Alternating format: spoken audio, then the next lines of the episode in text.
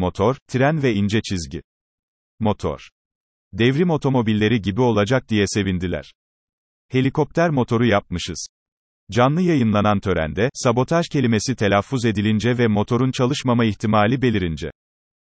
Devrim otomobilleri gibi olacak diye.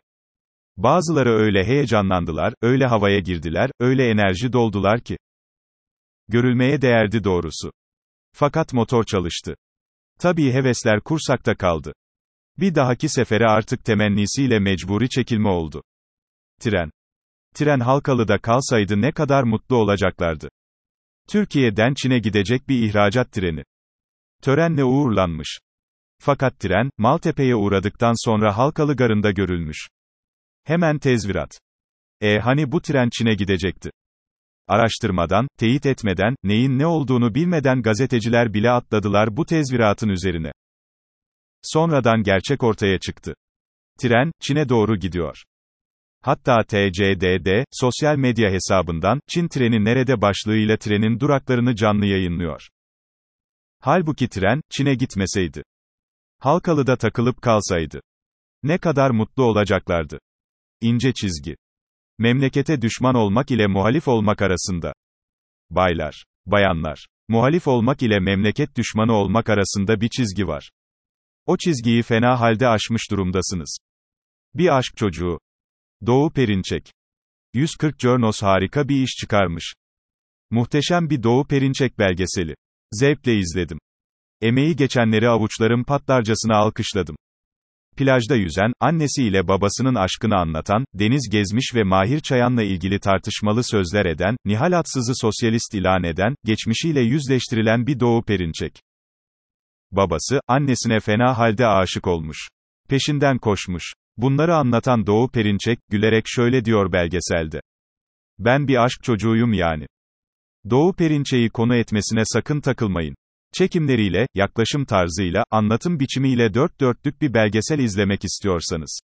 İnternette bulup izleyin bu belgeseli. Sermiyan Midyat nasıl yandaş oldu?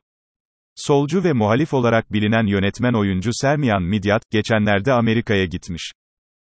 Amerika'da bir de bakmış ki, herkes kendi aleminde. Denetim sıfır. Ne maske var ne mesafe. Ateş ölçen falan yok. Sermiyay'ın aklına o anda Türkiye'de simitçilerin bile ateş ölçtüğü gelmiş. Ve hemen bir video çekerek Türkiye'yi övmüş. Cumhurbaşkanının, Sağlık Bakanının, sağlık çalışanlarının emeğini takdir etmiş. Sonuç. E tabi başladı hemen linç. Sermiyan yandaş oldu diye velvele. Türkiye'de yandaş olmak ve muhalif olmak arasındaki çizgi, işte bu kadardır. Bu öyle bir delirme halidir ki. Çin aşısı o kadar da kötü değil yahu diyen CHP'li Özgür Özel'i bile, yandaş safına postalar. Not. Sermiyan Midyat'ın bu hakkaniyetli yaklaşımı, kendisine yönelik, kadına şiddet uyguladığı iddialarını boşa çıkarmaz, çıkaramaz, çıkaramayacaktır.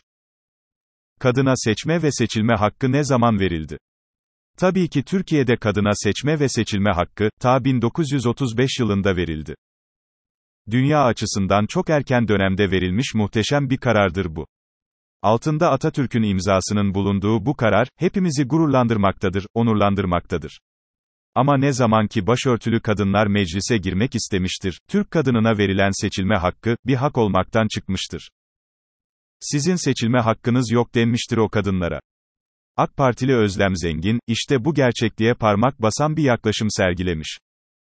Demiş ki, Kadınlar gerçek manada seçilme hakkını AK Parti döneminde kullanmıştır, öncüsü de Cumhurbaşkanımızdır.